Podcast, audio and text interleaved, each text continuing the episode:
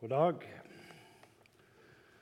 Takk for velkomstord, og takk for at jeg skulle få komme her til Salem.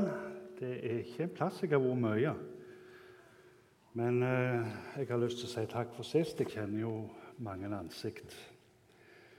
Fint å få være med på dåpsstunden, og jeg har lyst til å gratulere dere og ønske dere og dåpsbarnet Guds velsignelse.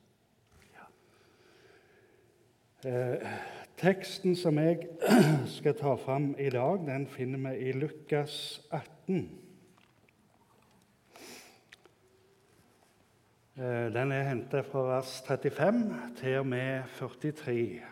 Og Før vi leser det, så ber vi i sammen. Himmelske Far Frelser, vi takker deg for den stund som du har gitt oss. Eh, vi takker deg for Amelia, og vi ber deg, Jesus, om du vil ta deg av hennes framtid. Nå ber vi for det ord som vi skal ha for oss i fortsettelsen. Og vi ber Jesus om din stillhet. Og vi ber Jesus om du kunne tale, og vi kunne lytte. Framfor alt så ber vi om din hellige ånd. I ditt navn. Amen.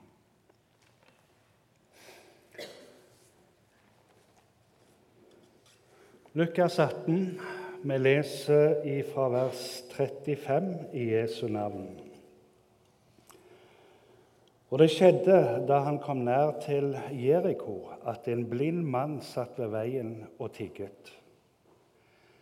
Da han hørte at mye folk gikk forbi, spurte han hva dette var. De fortalte ham da at Jesus fra Nasaret gikk forbi. Og Han ropte og sa, 'Jesus, du Davids sønn' miskunn deg over meg. De som gikk foran, truet ham at han skulle tie, men han ropte enda mye mer. Du Davids sønn, miskunn deg over meg. Da stanset Jesus og bød at de skulle føre den blinde til ham. Og da han var kommet nær, spurte han ham, 'Hva vil du jeg skal gjøre for deg?' Han sa, 'Herre, at jeg må få syn igjen.' Og Jesus sa til ham, 'Bli seende, din tro har frelst deg.' Og Straks fikk han syn igjen, og han fulgte ham og lovet Gud. Og hele folkemengden som så dette, priste Gud. Amen. Vi skal altså i dag til byen Jeriko. En del av dere som sitter her i dag, regner jeg med har vært i Eriko. Jeg har aldri vært der, jeg har sett bilder og prøver å se det for meg.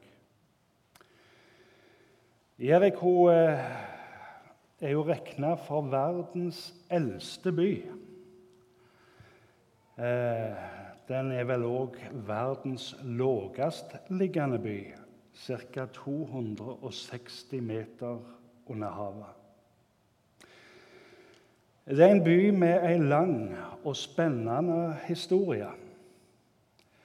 Det var denne byen som var porten inn til det lovede land for israelsfolka etter 400 år i fangenskap i Egypt og 40 år i ørken. Det var her de kom tørrskodd over Jordan. Utmatta, nedbrutt sto de og så på Jerikos høye murer og forsvar og spurte nok seg sjøl hvordan i all verden skal vi kunne innta dette land og denne by. Det kan se ut som om mismot kom sigende. Det nytter ikke. Vi klarer aldri å innta dette. Mens de står der utenfor Jeriko, så er det at Josva, som nå er blitt deres leder, løfter øynene, og så får han øye på en mann kledd som en soldat, med sverdet dratt. Og Han er jo spent. Hvem er denne? Han er jo ikke en av oss. Og Jerikos befolkning de har jo låst seg inne, stengt dører og murer og alt sammen. Og så lurte han på hvem denne er. Og så spør han ham, 'Hvem er du? Er du med oss, eller er du mot oss? Men han fikk ikke noe konkret svar på det.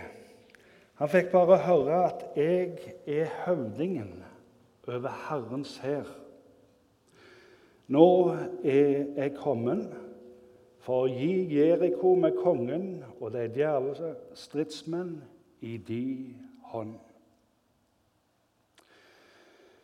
Mange har opp gjennom historien spurt hvem er denne soldat som Josva møter utfører Jeriko. Og de fleste konservative forskere og teologer de mener at dette er Jesus slik vi møter han i den gamle pakt. For Jesus var i den gamle pakt. Det vitner hele Skriften om. Johannes han vitner om dette i sitt evangelium. Han sier i Johannes 1,1 at han var ifra begynnelsen. Og I vers 3 så sier han at alle ting er blitt til ved han. Ved han er alt skapt. Han eh, la i begynnelsen jordens grunnvoll, og himlene er blitt til ved hans henders verk leser vi i um, Ordspråket, kapittel 8, så blir Jesus kalt for visdommen. Eh, han sier der at 'jeg var der' før han skapte den første mollklump. Jeg var der da han bygde himmelen, da han festa skyene, da han setter grensene for havet, så var jeg der. Og vi møter han òg i Det gamle testamentet som Herrens engel. I dagens tekst, mange hundre år i ettertid, så kommer Jesus på ny til Jeriko. Og Vi skal prøve å begynne litt med sammenhengen som vår tekst står i. Der står det at Jesus er på vandring med sine disipler. Han er på vei opp til Jerusalem. I vers 31 så sier han til sine disipler.: Se, vi går opp til Jerusalem. Det nærmer seg påske, den store høytid. Og underveis, mens de er på vandring, så forteller Jesus sine disipler hva som skal skje der oppe. Han forteller hva som venter han, og han forteller detaljert om sin lidelse og sin død. Det er tydelig når Jesus forteller dette til sine disipler, så ligger hele hendelsesforløpet åpent og klart for ham. Han vet hva han går til. Samtidig dette er tredje gangen at Jesus forklarer sine disipler hva som venter ham. Men han når ikke inn. Og Det står i vers 34 men de forsto ikke noe av dette, og dette var skjult for dem. Men istedenfor var de veldig jordvendt. De så for seg Jesus som en stor, ny leder og noen av dem hadde drømmer for sin egen del. Jakob og Johannes de går til Jesus og ber om lederstillinger i det nye riket som han skal herske i.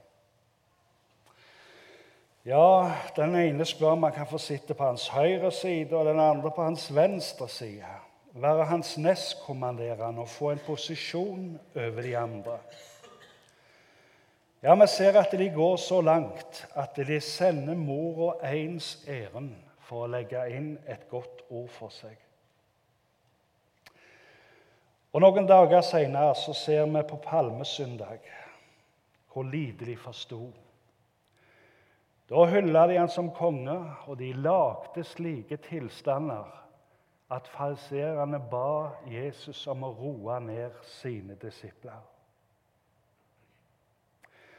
På tross av at Jesus gjentatte ganger hadde sagt hva som skulle skje, og på tross av alle profetiene om Messias De forklarte tydelig om en lidende Messias. Så forsto ikke disiplene Golgata. De er blinde som tiggeren de nå snart skulle møte i Jeriko. Det neste som jeg har lyst å stanse for, er det veivalget som Jesus gjorde når han gikk til Jerusalem. Det ser ut til at han kom fra Kapernaum oppe i Galilea. Og så langt jeg har forstått, så var ikke veien om Jeriko den raskeste til Jerusalem, men en omvei. Og hvorfor gjorde han det? Jeg tror ikke det var på slump. Jeg tror at Jesus til enhver tid hadde et mål og en mening med det han gjorde. Og jeg tror at Jesus la veien om Jeriko fordi at i Jeriko var det to menn som han ville møte. Ja, I et av de andre evangeliene så forstår vi at de var tre. Her er det nevnt to. Den ene var en eh, overtoller som heter Sakkeus, og som ser ut til å ha gått med et ønske om å få se Jesus. Den andre er mannen i vår tekst, en blind tigger ved navn Bartimeus. Jesus visste om disse to. Det er ikke noe som er skjult for ham. Og jeg tror at hvert steg han tok på denne jord, så visste han hva han gjorde. Jeg tror han hadde et mål og en mening med alt han gjorde, og hvor han gikk. Han vandra ikke rundt i landskapet uten mål og mening mens han venta på korset. Vi møter det gjentatte ganger. Han visste om en Natanael. Og I Johannes 4, 4 så ser vi òg at Jesus er på vandring med sine disipler. Og der står det han måtte dra om Samaria. Jeg tror disiplene syntes det var rart. Hva skal vi oppe i Samaria, Jesus? Du vet, vi har ingenting med det folket der å gjøre. Men han måtte dra om Samaria. Hvorfor? Jo, for Samaria det var det ei kvinne som Jesus ville møte. Ei kvinne som ikke ser ut til å ha stussa med å stille sin livstust. Det står om denne kvinnen hadde vært fem menn, og den hun nå levde med, var ikke hennes. Og denne kvinnen ønska Jesus å treffe. Derfor så måtte han gå om Samaria.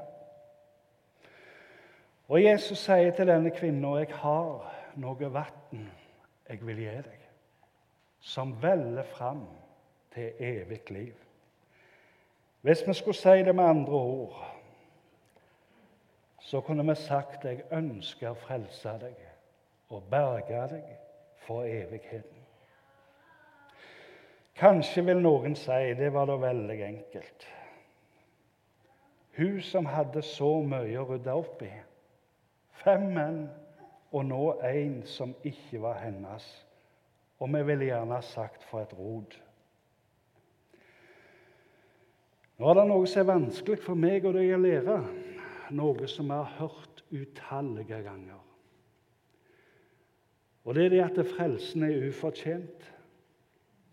Den er uforskyldt, og den er ferdig. Den er ferdig for deg, for meg og for kvinnen ved brønn.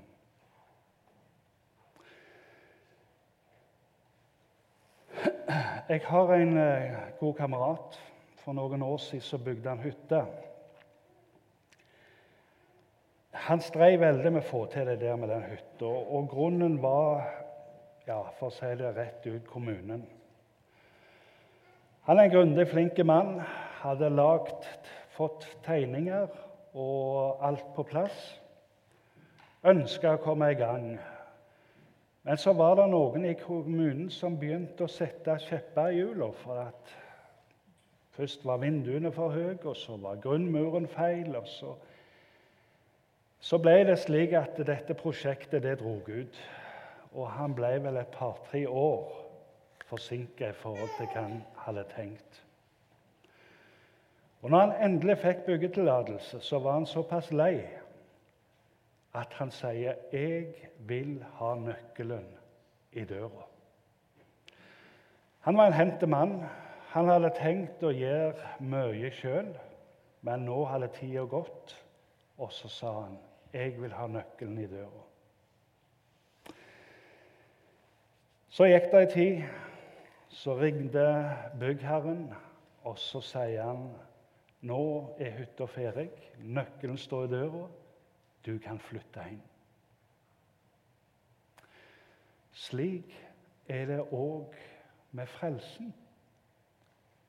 Den er ferdig. Det er innflytningsklart. Jeg sa at dette er vanskelig for meg og deg å forstå. Og vi trenger å høre det igjen og igjen.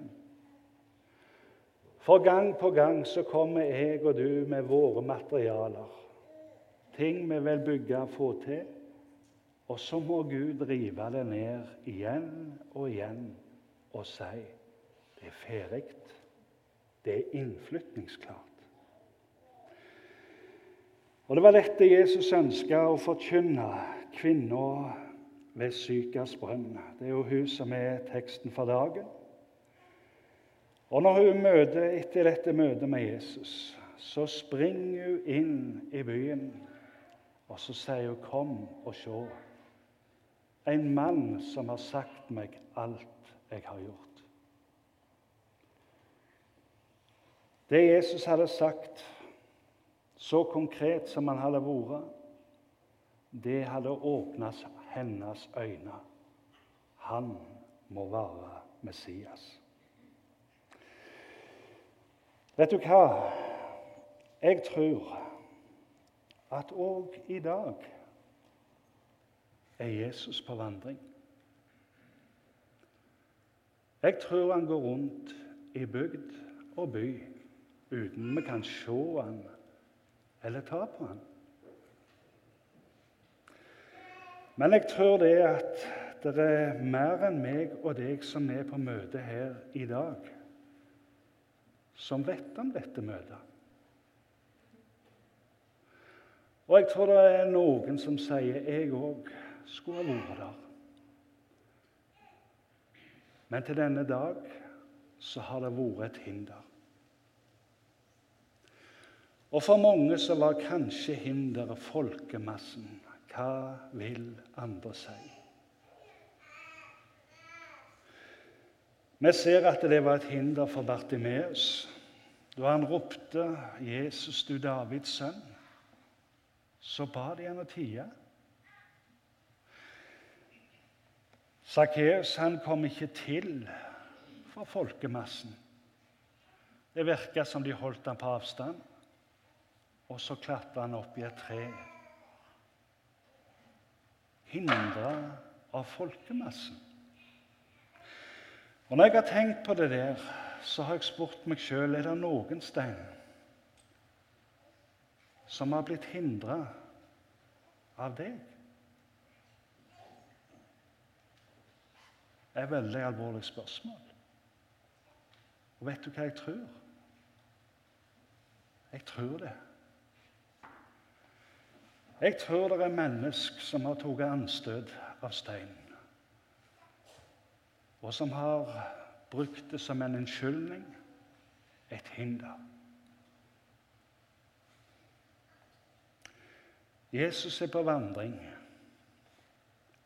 Han kommer til oss i forskjellige livssituasjoner. Han kommer til oss med trøst, og han kommer med tukt. Han kommer i glede, og han kommer i sorg og trengsel. Og Når vi leser Guds ord, så ser vi at han har mange tjenere. Og faktisk ser nøden ut ofte til å være et av Guds beste redskap til å nå inn til oss. Jesaja skriver kapittel 38, vers 17. Se, til fred ble meg det bitre. Ja, det bitre. Jeg har møtt noen som har gått gjennom svære ting i livet, der en har undra hvor tar du kreften ifra. Noen av disse har i ettertid kunnet sagt jeg ville ikke unnvære det for noen pris. Vet du hvordan ei perle blir til? Det begynner med et røsk, et fremmedelement, som eh, kommer inn i muslingen. Den skaper irritasjon, og for at den ikke skal skade muslingen, blir den kapsla inn. Muslingen legger lag på lag rundt, hvis det var et sandkorn, av det samme stoff som muslingen sjøl er av. Og etter noen år så blir det som var til å begynne med, til skade, til ei kostbar perle.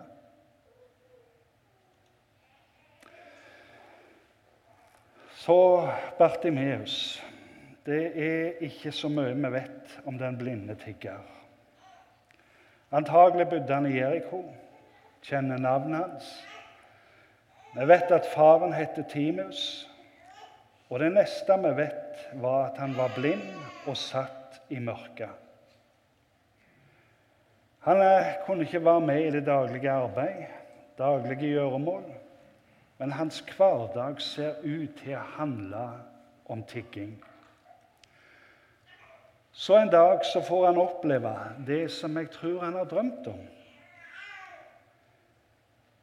At Jesus ifra Nasaret kommer til byen. Han hører folkemassen, han spør hva som skjer, og han får høre at Jesus drar forbi. Og med en gang så forstår han at dette var hans store sjanse i livet. Og så roper han ut, 'Jesus, du Davids sønn, hjelp meg.' Folket ber han til stilt, men han roper enda høyere. Og Jesus hørte. Han hører alltid. Han er ikke avhengig av volum. Han har hørt hvert et sukk som har steget opp fra denne salen i denne formiddagsstund. Han kjenner vår situasjon og vår nød. Jesus hørte ropet, og han sier, 'Kall han til meg.' Og så spør han ham, 'Hva vil du jeg skal gjøre for deg?' Og så sier han, 'At jeg må få synet igjen'. Og Jesus sa til ham, 'Bli seende, din tro har frelst deg.' Og så skjedde under. Plutselig så så han. Så var han helbreda. Alt folket, de priste Gud, står der. Og fra den dag så var mye forandra. Jeg tenker på deg som er på møte her i dag. Kanskje sitter du på møte som er kommet til ditt Jeriko i livet. Kanskje har du vært der en stund.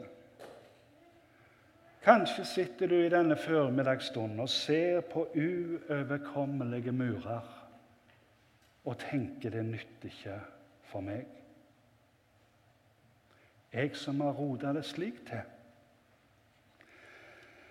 Det kan være på det legemlige plan eller på det åndelige. Gjerne er du her som vet med deg sjøl jeg har det ikke rett med min Gud.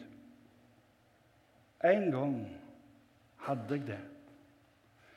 En gang så var det sant når jeg sang 'Han er min sang og min glede'. Men ikke nå. Og på et eller annet tidspunkt så skjedde det noe. Kanskje sitter du her denne formiddagsstunden, og det eneste du har igjen, er i grunnen kristennavnet. Det er gjerne det siste vi, gir slipp på det. Bartimeus hadde ikke alltid vært blind. Ut fra evangeliet så ser vi at en gang hadde han hatt syner, og han visste hva det var å se. Kan hende sitter du med den samme drøm som Bartimeus. Om Jesus kunne krysse din vei, høvdingen over Herrens hær. Han som kan rive ned murer han som kan gi blinde synet. Vet du hva? Han er her. Midt iblant oss. Uten vi kan se eller ta på han. Til slutt Dette var siste gang at Jesus var i Jeriko. Han kom der aldri mer. Ei uke etterpå så spigra de han opp på et kors. Det var siste anledning for Bartimeus, og det var siste anledning for Sakkeus. Men når Jesus forlot Jeriko og begynte på de tusen høydemeter opp til Jerusalem, så satt det to menn igjen som hadde fått livet forandra. Jesus hadde vært.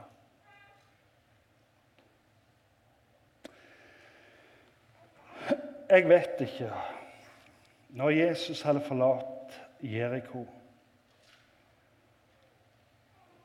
Om det satt noen og visste med seg sjøl Jeg brukte ikke anledningen. Jesus var her. Jeg visste hva jeg skulle ha gjort, men jeg brukte ikke anledningen. Men neste gang han kommer, da skal jeg bruke han. Han kom der aldri mer. Derfor så sier Guds ord til meg og deg i dag om du hører Hans røst, så forherda ikke ditt hjerte. Bruk anledningen. Amen.